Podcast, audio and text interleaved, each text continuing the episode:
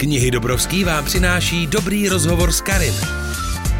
Ahoj Tomáši, vítám tě od dnešního rozhovoru a dnes Ahoj. výjimečně uh, vždycky představím autora a dneska výjimečně bych ráda začala otázkou, kdo jsi, protože můžeme se dočíst z knížky, že jsi neohrožený dobrodruh, milovník síru a tuktuků, ale vyvodit si, kdo přesně jsi, by mě zajímalo přímo od tebe.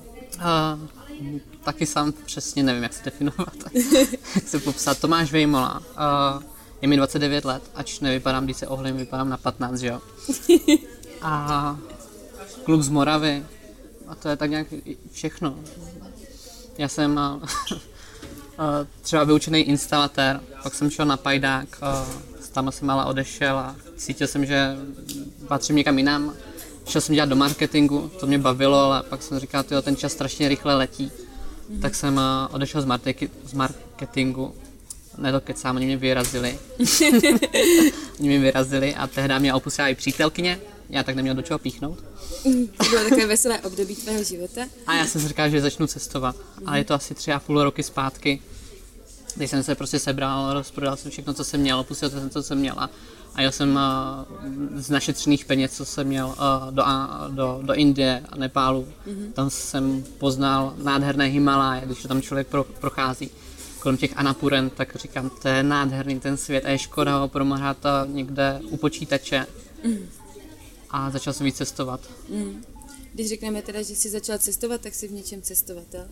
A jsi cestovatel, který chce inspirovat tím, jak cestuje? Uh, já jsem nad tím nikdy nějak nepřemýšlel, já jsem prostě vyrazil, že jdu do světa, uh, o ty moje zážitky se budu případně na sociálních sítích nějak sdílet, třeba to někoho bude zajímat, líbit se. A takhle to nějak postupně, postupně vyplynulo, že to tak už je. Mm. Začal jsi cestovat uh, po nohách, pak jsi vzal kolo, uh, my dojdeme k tomu, že jsi potom vzal i tuk-tuk. Uh, co bude dál? A já sám nevím. Já v životě chci dělat to, co mě baví, co mě naplňuje, to, co cítím, kam mám jít. Uh, já jsem vlastně předtím, než jsem uh, začal cestovat, tak jsem závodně jezdil na freestyleovém BMX kole. Mm-hmm. To bylo nějakých 10 let závodně a to jsem s tím jezdil po Evropě a sbíral nějaké ocenění. Až jsem začal cítit, že potřebuji třeba cestovat, tak jsem začal cestovat. Takže jestli budu cestovat dál, sám nevím. Ale teď to cítím, že, že mě to baví a že to chci dělat i nadále. A je možné, že se vrátí zase k nohám? Nemusí tam být vždycky Jasně, to je úplně, úplně jedno, jaký, jaký prostředek mě teďka láká třeba osel, jo. tak jaký pěkný příběh na oslíku pod Kazachstánu třeba. Myslíš si, že být dobrodruhem je povolání? Hmm, já to beru jako, mě to vlastně teďka živí, protože mám uh, plno přednášek díky tomu těch cest, těch cest, co jsem našel, jak jsem nakonec do Gruzie nebo s tím tuktukem, tak uh, se od vlastně celý, celý rok mám kolem toho přednášky, tak teď mě to vlastně živí, ale dobrodruh, jestli to může být povolání, já se uživím. Narodí se člověk jako dobrodruh? Uh, asi ano. Uh, určitě k tomu má blízko. Může si to osvojit po tom, co vidí Himaláje? Uh, určitě, určitě to nějak víc pomůže. Takový ten první impuls bych řekl. Měl jsi první impuls a předtím by ses nepovažoval za dobrodruha? Předtím asi ne. Já jsem vždycky toužil po nějakém tom dobrodružství, ale říkal jsem, že to prostě pro mě není, že to je nemožné. Já se bojím výšek, já se bojím lítat, já se bojím být daleko uh, víc jak půl hodiny od nemocnice, protože jsem alergický na bodnutí, bodnutí včely, tak uh, jsem se bál, že mě někde zabije včela, takže já jsem vůbec uh, nevěděl, že budu někdy nějakým jako, cestovatelem nebo dobrodruhem. My to jsme dneska hlavně kvůli knížky, tak pojďme pomalu k ní. Tomík na cestách tuk-tukem z Bangkoku až domů. Řadí se to většinou k cestopisům. My jsme si všimli, že u nás je to v dobrodružných, za to jsi byl rád. Ty jsi zmínil, že to někdy je i v dětské literatuře. Mm-hmm. Nicméně ve většině e, reakcích na tvou knížku je, že to rozhodně není cestopis, že to je mnohem víc. Co to je podle Tomáše Vejmoly? Já bych to ne, vůbec nějak nedefinoval, protože on to... Ty jsi to definoval jako nejveselější a nejbarevnější knížku na světě. Jo, ale takové oddělení tady nemáte. Takže bys rád založil nové oddělení? Uh, určitě bych to nějak neškatulkoval, jestli to někdo vidí jako do dětské literatury, třeba klidně. Uh, mm. Oni mi píšou lidé, že si to čtou, že to čtou dětem před spaním a děcka si to vyloženě vyžadují. Čtou to děti ve škole, mě to baví a čtou to vlastně, každý si v tom najde to, co chce. Někdo si najde v tom to dobrodružství, někdo tu inspiraci a jiný zase nějaký kouzelný pohádkový příběh. Právě proto uh, ta obálka je taková dětská, naivní, pohádková až z toho důvodu, že ta cesta byla celá taková pohádková a aby člověk něco takového zvládl, vyloženě jako neskutečně těžkou cestu, roční cestu přes půl světa, na tu celou cestu musí pohlížet dětskýma naivníma očima, jako že všechno jde, že všechno jde zvládnout. Proto jsem si jako vyprosil uh, takovouhle obálku, mm-hmm. ač jako vůbec nevypadá jak dobrodružná obálka, mm-hmm. že je takového klasického dobrodruha. Mně se právě líbilo tady tohle. A ty naivní oči ti zůstaly, když jsi zvrátil z Bangkoku do uh, hranic na Moravě? Uh, už je to asi rok a měsíc, přesně, co jsem se vrátil. A jsem neuvěřitelně spokojený člověk, bych řekl. že tam jsem zažil neskutečné uh, chvíle. V životě jsem nebyl na dně tak, jak uh, třeba v Iránu mm. nebo v Indii, jak mě tam okradli a nevím co všechno. A když člověk potom přijede domů a je živý, zdravý a má tady rodinu, přátelá, to vlastně mm. to největší bohatství, tak uh, já vlastně nic víc už nepotřebuju. Takže já jsem, ač mi to stalo strašně moc peněz a finančně jako úplně zničený, tak jsem zbohatl tím, co jsem vlastně tam získal. Mm. Takže když je člověk dobrodruhem, tak nachází vlastně smysl života. Uh, každý si najde smysl života v něčem jiném. Já jsem mm. chtěl dá se říct v tomhle, nebo teďka to tak vidím. Mm. Když se podíváme na tvůj blog, tak se můžeme dočíst o třech zásadních cestách, ty už si je zmiňoval. Uh, od konce tuk-tukem z Bangkoku až domů, na kole do Gruzie a zpět, Indie a Nepál. Uh, dají se tyto cesty definovat jako tvůj osobní vývoj? No, dá se říct, jo. Uh, když jsem měl do té Indie, tak to bylo něco neskutečného. Já jsem si vzal životní pojistku na několik milionů, která potom, když, když tam zemřu, když mi tam někdo zabije, tak ta přijde mému bráchovi. Protože jsem tak myslel, že mi tam někdo zabije. Já jsem vůbec neviděl, jak to v Indii je, jak to tam chodí.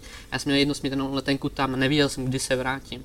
A to jsem tam měl, a koupil jsem si to teď, když jsem byl opilej, tak jsem si koupil tu letenku a zpátky už to nešlo nějak zrušit. A úplně jsem se bál ze všeho úplně vyhrkaný. Ale pak jsem zjistil, že za ty dva měsíce je to tam bezpečný, je to tam krásný, nádherný, tak jsem si říkal, pojedu na další cestu, o něco, něco těžší třeba. A že si vezmu kolo a pojedu do Gruzie a zpátky, protože nerad létám a do Gruzie na kole, to zní krásně a co člověk všechno projede, že jo, Rusko tam se dobře třeba pije a na Ukrajině pěkné holky, tak mě to lákalo. A zase jsem měl, a zase jsem zjistil, že to není tak těžký. Všetci mě zrazovali, Tomáši, ty si najel nakole víc jak 50 km, najednou chceš jet 7-8 tisíc km, jak ty to zvládneš, ani fyzicky nejseš jako zdatný nic.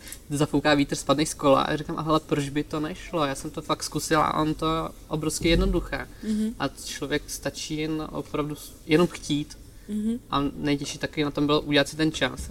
Mm-hmm plno lidí říká, že to nejde, protože časově, že jo, tři, čtyři měsíce, jak chceš opustit domů, rodinu, já nevím, co všechno. Mm-hmm. Já jsem ten čas měl, nic jsem tady k, vlastně neměl, mm-hmm.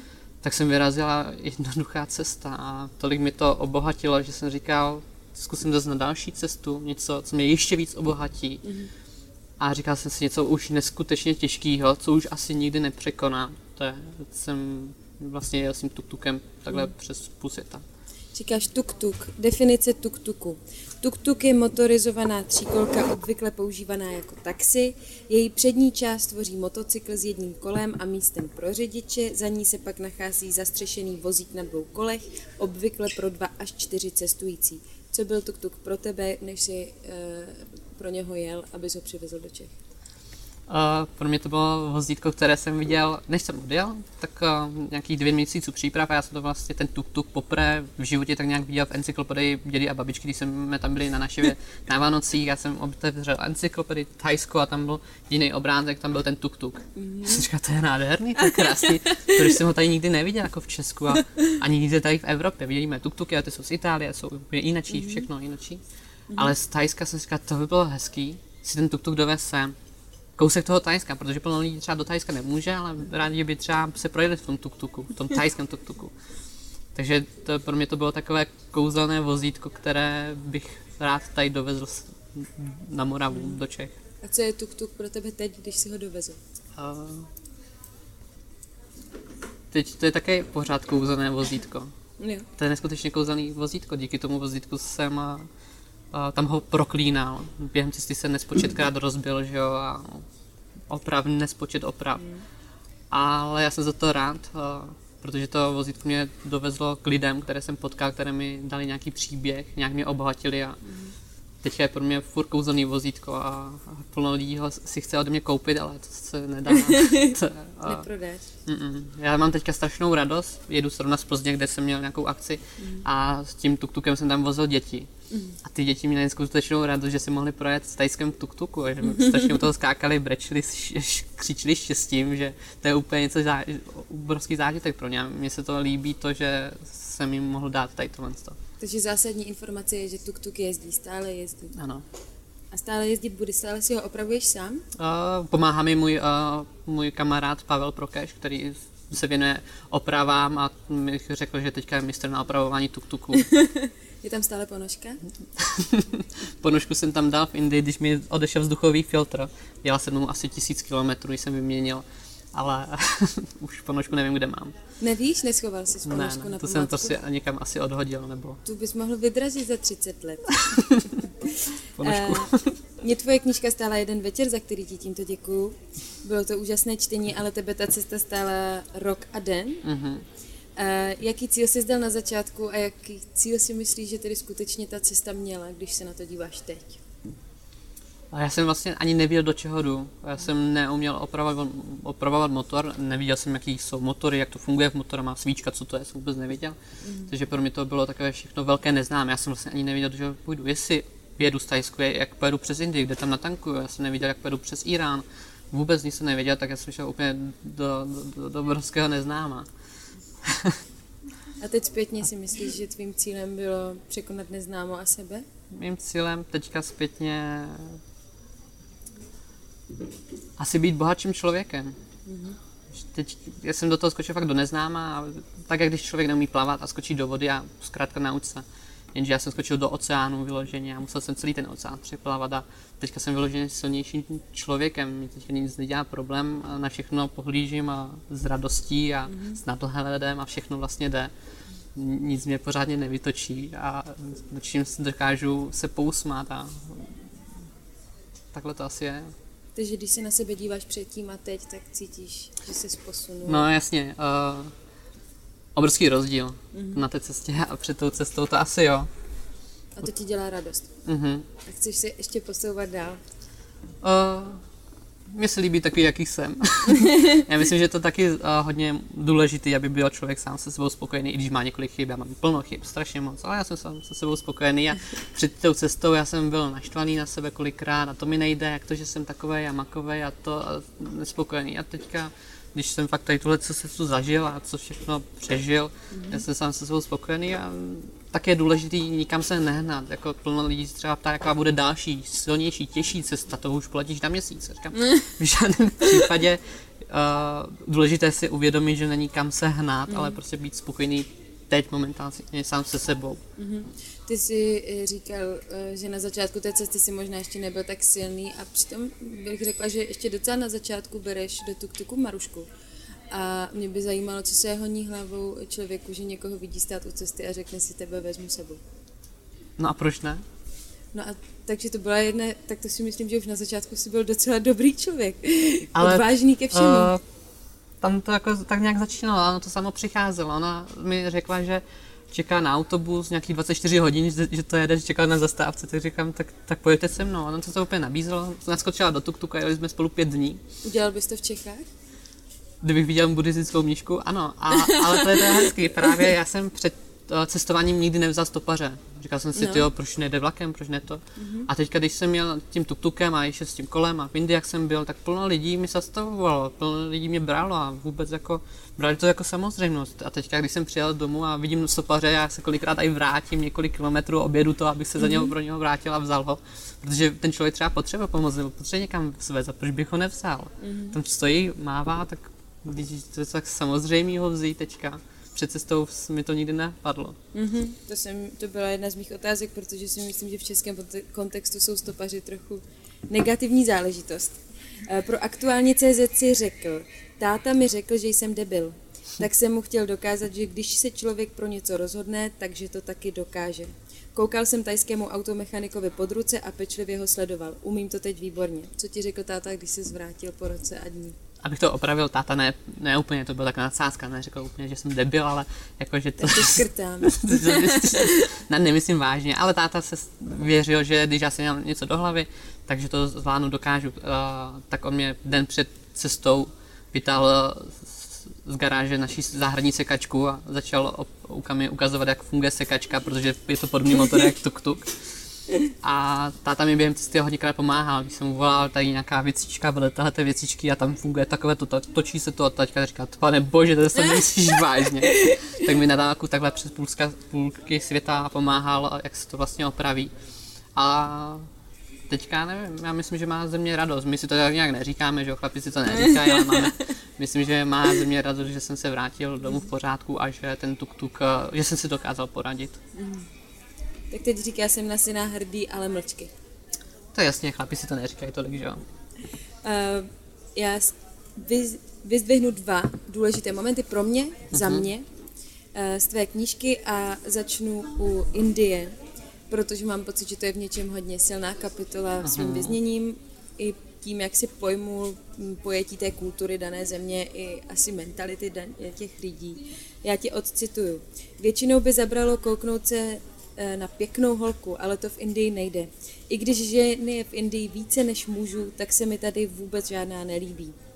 A také věta, Indie je země, kterou kluci označili za peklo na zemi a já musím souhlasit. Tak co to ta Indie teda je? Uh, já měl tu výhodu, že jsem Indii mohl poznat ze dvou úhlů. Já jsem tam byl poprvé pěšky, když jsem ano. to prošel před těma třema rokama tak jsem šel z turistického, místa, z turistického místa na turistické, uh, turistické. Takže z hotelu, dobrý den, jsme si já pokecali anglicky, šel jsem tam, tam byla pláž, si turistické destinace, potom uh, luxusním vlakem, tam jsem se přesunul a říkám, že to je úžasná dovolenková destinace. Pak jsem tam jel s tím tuktukem a nevěřil jsem uh, jaký tam je obrovský rozdíl. Mm-hmm. Teďka najednou jedu přes malé vesnice, kde prostě to bělocha jen tak nepotkají. Mm-hmm. Tam na mě všichni divně koukali a když už viděli, že jsem běloch, tak mám asi milion peněz a už hnedka nadsál, už uh, dávají peníze a už to byl úplně jiný kontrast. Mm-hmm. Tady tohle stalo nepříjemný. A když už jsem tam byl asi tři, čtyři měsíce a jel jsem přes fakt jako zapadlé vesnice, uh, bohem zapomenuté, mm-hmm. špinavé místa, a tam to člověk ani slunce nevidí pomalu, jak je tam špína, eh, nepořádek, prach, eh,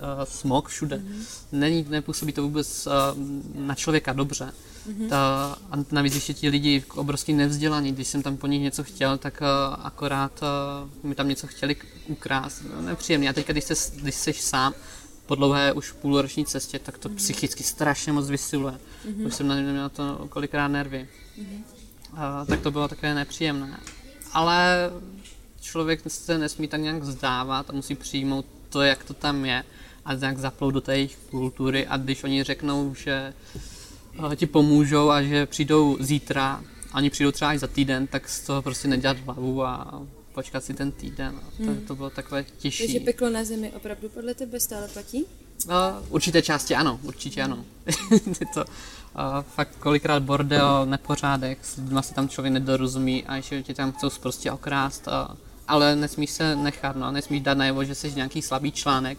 A já uh, vypadám jako, jako milej kluk, když se usměju, tak úplně dolíčky tady všechno, fakt jako milej, ale v té Indii to se musel řvát, být zlej, protože kdybych se nechal, tak, jsou, tak si mě prostě nechají jako fackovacího panáka jo, že mě okradou a že mě tam ukradnou tuk-tuk a nevím co všechno, ne, tak já, nebo že mě budou chtít policajti peníze za nějaké mm-hmm. nesmysly, ne, tam se musel vyloženě řvát, tak mm-hmm. být zlej, mm-hmm. aby, aby si mě nesnědli. Můžeš si představit, že se do tohoto pekla na zemi ještě podíváš? Ano. A chceš? Určitě jo. Indie je úžasná, já ji miluji a nesnáším zároveň z toho, jak je, jak je tam ten kontrast. Mm. Uh, tam to bylo těžké sice, ale zpětně, vždycky ty těžké situace, když se na ně člověk podívá zpětně, tak ho nějak obohatili mm-hmm. a usmívá se už zpětně na to. Mm-hmm. Je to nejtěžší země, kterou jsi zatím navštívil pro tvůj prožitek? Mm-hmm, určitě ano. Mm-hmm. Uh, druhá taková důležitá uh, část tvé knížky pro mě uh, byl pobyt v Iránu. Cituji, uvědomuji si, že jsem naštívil nejpřátelštější zemi s nešťastnými lidmi v ní. Mm-hmm. Jak se změnilo tvoje pojetí svobody ve svobodné, v úvozovkách nesvobodné zemi? Uh, tam je to také zvláštní, ti lidi, jak tam žijou, uh, oni jsou fakt jako, ať tam byl jakýkoliv cestovatel, tak řekne nej, nejpřátelštější lidi, co, co znám. Mm-hmm. Na druhou stranu oni tam mají plno zákazů, až pro nás nesmyslných zákazů, jako že třeba tam nemůžeš pít alkohol a nemůžou tam mít lidé satelit a takové věci. Mm-hmm. A oni to řeší tak, že to prostě obcházejí. Mm-hmm. Uh, alkohol si tam sami pančují, sami si ho tam dovážejí z Ruska. Který ty v knížce nepovažuješ úplně za alkohol. no, no, vůbec. Má jako 10% alkoholu, oni jsou z toho hnedka ožralí, že jo. Když dá, dá moji slivovici, tak nechápou. Tak a nebo satelity, jo, tam nemůžou mít satelit, to prostě zakázané, aby chytali signál ze zahraničí, ale satelit, satelit má tam každý druhý baráček. A oni jak mají tady takovéhle zvyky, že prostě obchází ten zákon, tak to je hodně takové nepříjemné z toho důvodu, že třeba oni ani nemůžou mít přítelkyně pořádně. Mm. Že já jsem tam našivil plno kluků a oni mi brečeli přímo na zádech, že mají holku už dva roky a nemůžou to říct svým rodičům, protože rodiče mají pro něho nevěstu tady od sousedů, ať mají se brát. Mm. A on ji nechce, protože má rád tu svoji a je pro něho nepřijatelné, aby si bral někoho, koho nemá rád a tu holku, co má, tak dva roky ji prostě tají před rodičema a schází se s tou holkou úplně, úplně potají. Tam vlastně ani holku nemůžeš vzít do kina, protože tam uh, svobodná holka nemůže jít takhle s klukem pořádně ven. Mm-hmm. Takže jediná možnost, jak být s tou holkou, je to, že ten kluk má nějaké auto a s tou holkou může být v autě. Tam můžou být o samotě, to jo, a na ulici ne. Takže ten kluk má auto, oni se třeba takhle tři, tři hodiny po městě projíždějí, aby mohli být spolu. A takhle prostě to obcházejí. Uh, a je to pro ně nepříjemné. A když jsem jako už odjížděl, vždycky jsem se s těmi klukama loučil, tak mi fakt vyloženě brečil na rovnou, že tady nemůžou být. Že je to netěší tady tahle situace. A to mě plno lidí, lidí takhle, díky tomu, jak mě všichni zvali domů a byli přátelští, tak jsme se po, po čase více zpřátelili a více otvírali a říkali, že to tam je krásný všechno, ale že prostě mrzí taky stav, jaký tam je, že tam eh, si takhle musí lhát takže tam uh, mají takovéhle zákony, takže to vůbec netěší. Takže to si říkali, je to tady krásné, ano, ano, ale to naše vláda. Mm-hmm. Takže to takové... Cítíš se uh, o to svobodnější, ty? Ježíš, ano. Mm-hmm. Tady to máme tak nádherný, neskutečně. My tady uh, nemáme, ničím nestrádáme. Mm-hmm. Nemáme tady žádné povodně pořádné, jako, nemáme tady žádné války, žádné uh, nebezpečí. Tady, jako, můžeme vlastně cestovat kamkoliv. Máme osmý nejsilnější pás, máme tolik strašně moc výhod. My, máme tady, my jsme tady nejbohatší lidé, jako mm-hmm. neskutečně. Já jsem, když jsem s táma přijel, tak uh, nám tady nic neschází, vůbec nic. A vůbec si toho nevážíme, to je strašná naše chyba. To bude úvodní věta tohoto videa, to se mi líbí. uh, samozřejmě mě zaujalo, že tvé knížce nechybí milostná linka, kterou jsi tam předpokládám zcela nenásilně prostě implantoval, protože jsi to prožíval. A, ale zajímá mě, jestli jsi skutečně koketoval s myšlenkou, že si přivezeš nevěstu a jestli si ji pořád chceš přivést z nějakých cest. Potkal jsem tam jednou holku v Tajsku. V Tajsku jsou nádherné holky, pak už to šlo z kopce, že jo? tak ale jsem tam jednu potkal, byl to příjemný, krásný románek, tam jsou myslím o tom dvě kapitoly. Mm. A a ta druhá, to je taková až, bych řekla, ideální, jakože opravdu by člověk nevěřil, že se to ani stalo, že se to přijel. No, ale potom... Uh, potom byla, už si přijel ty Potom jsem přijel já a to se dočte, dočnou Do čtenáři v mhm. knížce, tak to bylo také smutné. Jasně, že jsem koketoval s myšlenkou, že si přivezu nevěstu, že poveze celou dobu nějakou pěknou tajku, tam mi bude dělat masérku, kuchařku a všechno možný během cesty. Bylo mi to příjemný a krásná pohádka. Nicméně já jsem si vlastně dovezla opravdu uh, holku z té cesty. Bylo to asi pět kilometrů před cílem. Tam jsem potkal dívku, kterou jsem políbil v mých 14 letech. To byla vlastně moje první láska. My jsme se vlastně po příjezdu nějak dali dohromady a už jsme spolu asi přes rok vlastně od té doby. Je to krásné. Takže teď už necestuješ taky pro nevěstu. To už ne. Teď už nemůžu. Nakonec se ukázalo, že české ženy jsou ty nejlepší ženy. Nejkrásnější, nejkrásnější. nejlepší. Eh, když se člověk vrátí, vrátí z dlouhé dovolené, tak má takový zvláštní pocit jako radosti, že je doma. Ale co asi musí člověk cítit, když se vrátí po tom, co prožil ty? Jaký je ten vztah k té domovině? Kromě toho, že ty píšeš, že má život najednou větší smysl. Já jsem uh, ani nevěřil tomu, že jsem přijel domů, i to už fakt ten rok, co jsem doma, nemůžu tomu pořád uvěřit a když se ohlednu, co jsem tam dělal a jestli to fakt jako pravda, to, tak to uh, je také neuvěřitelné.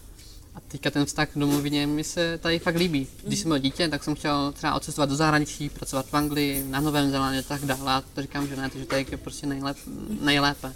Fakt máme tady krásnou přírodu, pěkné holky, uh, dobré jídlo. Uh, ten vztah k domovině Dobrý zase... alkohol. Dobrý alkohol, levný alkohol. Můžeme chlastat kdekoliv, třeba v Iránu se nemůže chlastat veřejně, jo. takže uh, tady fakt uh, čím víc cestuju, tím víc zjišťuju, že tady uh, je krásně dobře. Takže furt mě to tak nějak uh, táhne ven, samozřejmě, abych zjišťoval, jak je to venku, ale tady máme nejlépe, takže uh, tady bych chtěl i dožít. Takže jsi Určitě. cestovatel, který má svůj domov, kam se bude vždycky vracet? No jasně. Uh, myslím, že každý cestovatel by měl mít ten domov, kam se vracet. Takže vždycky skončí ty nejlepší cesty. Domů vždycky to vede. Tomáši, já jsem celou dobu přemýšlela nad tím, vzhledem k tomu, co tam všechno prožiješ a my to nemusíme o všem mluvit, co bylo nejhorší, co bylo nejlepší, to si lidé můžou dočíst. Nicméně člověk nemůže ani věřit, že si stíhal si dělat poznámky o tom, co prožíváš v mnohých situacích. Tak by mě zajímalo, jestli toto je forma deníku, nebo je to nějaká retrospektivní akce, kdy jsi sedl v hranicích na Moravě, potom co si utřel slzu a začal si psát rychle, dokud si to pamatuju. Ano, je to takhle. Já jsem si během cesty psal denní, protože ještě než jsem vyrazil, tak mě poprosil Albatros, jestli o tom nenapíšu mm-hmm. knížku. Já jsem samozřejmě souhlasil, protože i ta cesta samozřejmě nabízela, že bude knížka. Mm-hmm. Takže jsem si psal nějaké poznámky, hnedka první den, to jsem si napsal A4, všechno pečlivě, krásně. Druhý den teďka hledám tuk-tuk, už jsem neměl tolik času, takže jenom dvě, tři, čtyři věty. Pak si říkám, tak da, pak to dopíšu ten v neděli a hm, pak se to ztrácelo, pak jsem psal jednou za měsíc nějaké dvě, tři poznámky a říkám, ne, tak na to. Ten sešit u své pořád mám, ten je v šuplíku a je tam neskutečné množství zážitků, které ani bohužel v knížce nejsou, to by ta knížka byla bychle. Takže to šlo retrospektiv, retros, Retrospektivně. ano. A vzpomněl jsem si na ty nejdůležitější části, protože jsem byl limitovaný počty strán, stránek, mm-hmm. takže jsem tam dal to nejsilnější, nejzajímavější, co jsem měl. A to jsem dala do té knížky. A psal jsem fakt nádherně krásně, já se těším, jestli budu psát další knížku. Uh, to bylo nádherný, to jsem si jel k nám na chatu za Kroměříž a tam jsme, nebo já jsem si tam zatopil v krbu, byla zima a psal jsem si deník eh, nebo tu knížku. Uh, u toho jsem popíjel uh, whisky a krásně se mi psalo. Těším se, že budu psát další. No. Krásný život dobrodruha, teď bychom ho všichni chtěli. A samozřejmě to něco stojí, jo, a člověk musí hodně obětovat. Uh, já jsem postřehla, že ty děláš přednášky, jezdíš po republice, uh, můžeš nás pozvat na nějaké další přednášky a zmínit tř- třeba kanály, na kterých tě můžeme sledovat a vidět, Jasně, děláš. těch přednášek ono začíná teďka od září, je jich strašně moc, eh, až do března. Myslím kolem 90 přednášek, to opravdu v každém městě, co snad tady v České republice je, eh, tak navštívím některé znovu, protože to už je vlastně druhá etapa, co děláme ty přednášky. Eh, Takže určitě na stránkách tomíknacestách.cz tam je seznam přednášek měst, které navštívím, a kde budu vlastně povídat jak o téhle cestě s tuktukem, nebo taky ještě o té cestě na kole do Gruzie. Mm-hmm. Uh, tak my se určitě podíváme, děkujeme. Určitě, určitě se podívejte. Uh, Nebo potom, co přijďte. si přečtou všichni knížku, tak teda potom Jo. si tě půjdou poslechnout. Je to vlastně tak, eh, že, že na té roční cestě se to stalo, stalo strašně moc a o některých cestách se lépe mluví, o některých se lépe mm. povídá. Na přednášce eh, třeba povídám eh, úplně naší příběhy, eh, které se lépe právě povídají. A do knížky jsem třeba dal to, jak mi hořel tuk-tuk. Mm-hmm. Neskutečně silný mm-hmm. zážitek, kdy prostě už jsem kousíček od domu a teďka myslím, že to všechno je už pryč. Mm-hmm. A je celá ta snaha úplně v čudu. A něco takového, to se strašně těžko o tom povídá v je těch 100 lidí. A No i teďka o tom blbě vzpomínám, když povídám, když na to vzpomenu. Takže takovýhle příběh a další jináčí uh, jsem dal do té knížky mm. a i o té slečně, to se lépe píše, než jako tam povídá mezi stovkama li- lidí. Takže říkám, no v, v přednáškách je úplně jinačí příběhy a v knížce taky. Mm, takže pokud chceme mít komplexního Tomáše, tak mm-hmm. máme si přečíst i Jo, poslechnout. jo. Protože i jako roční cesta, uh, fakt je toho mnoho, co, uh, co, by tam, co, co tam říct a psát, no. A jaká bude další cesta? Můžeme si tě na to ptát? Všichni se tě na to předpokládám ptají. Takovou otázku jsem ještě nedostal, ne, to přiznám. jsem, to jsem ráda. úplně nová. A rád bych na ně- někam, určitě ano. Řekneš nám třeba jenom oblast tohoto světa, kam bys rád. Jasně, Afrika, Jižní Amerika, Aljaška, uh, Střední Asie, uh, Kavkaz, uh, To je tohle. To je spousta dětských knih, na které se můžeme těšit. Zase, to, zase by to mohla být nějaká veselá příhoda, nějaký, nějaký krásný příběh. My jsme nemluvili o všem, co v knížce je a je to proto, aby si lidé tu knížku přečetli, to bude to nejlepší. Uh, ale mohl ty bys nám přečíst z tvé knížky nějakou pasáž, která je tobě milá? Na závěr. Já to zkusím. A já ti tímto také děkuji za rozhovor, protože tím se s tebou loučím a teď si zaposlouchám.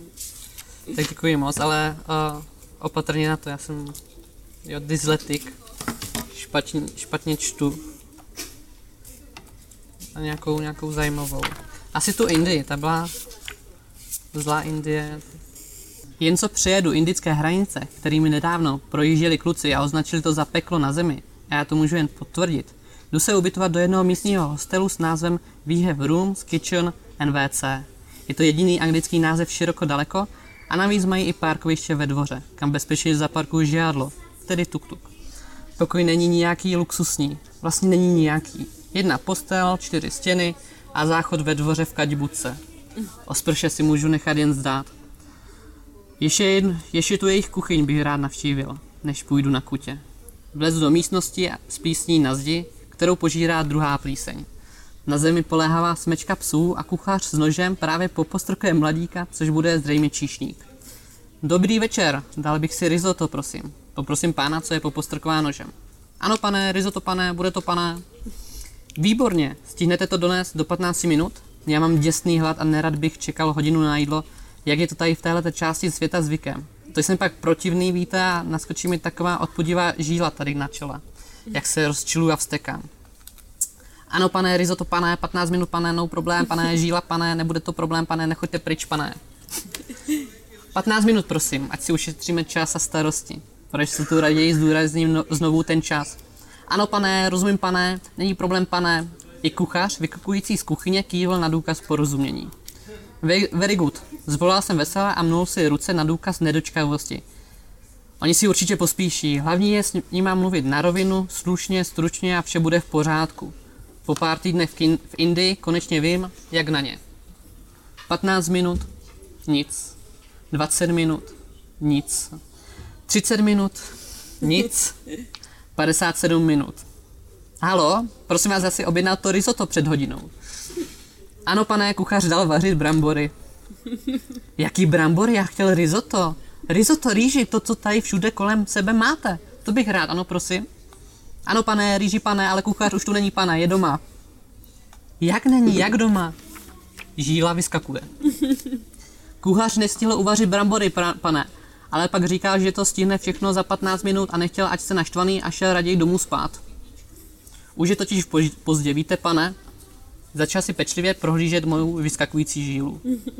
A to bych tady čekal jako do rána, než byste mi přišli říct, že kuchař odešel a jídlo nebude? Ne, pane, my tu nemáme otevřeno do rána, tady byste nemohl zůstat. To snad ne. to už je opravdu moc, jak u blbečku na dvorečku. OK, je to zkrátka jiný kráv, jen dělá, že mi nerozumí a anglicky už vůbec ne, jako eh, chudák se třepou, chudák se hruzou třepe a vůbec netuší, co dě, udělal špatně. Nerad bych, aby měl na mě a mou žílu špatné vzpomínky. Zkusím mu dát ještě jednu šanci, ale jídla se vzdát nechci. Dobře, zavolejte kuchaře domů, ať se vrátí a já mu s tím rizotem v kuchyni velice rád pomůžu. Za 10 minut. Pane kuchař se ptá, jak moc máte velký hlad, že máte jít raději domů taky spát a najít se až zítra. Žíla explodovala a já mlčky odešel spát. Neměl jsem sílu cokoliv jiného říkat. Sedm ráno mě však budí hlasité klepání na dveře mého pokoje. Pane, dáte si ty brambory, co jste si včera objednal? tak to je taková veselá příhoda uh, z Indie. Z Indie. Děkujeme moc. Taky. Děkujeme vám za poslech dobrého rozhovoru s Karin. Nezapomeňte nás sledovat na našem Facebooku, Instagramu a samozřejmě čtěte dobrý blog na webu knihy Dobrovský.cz.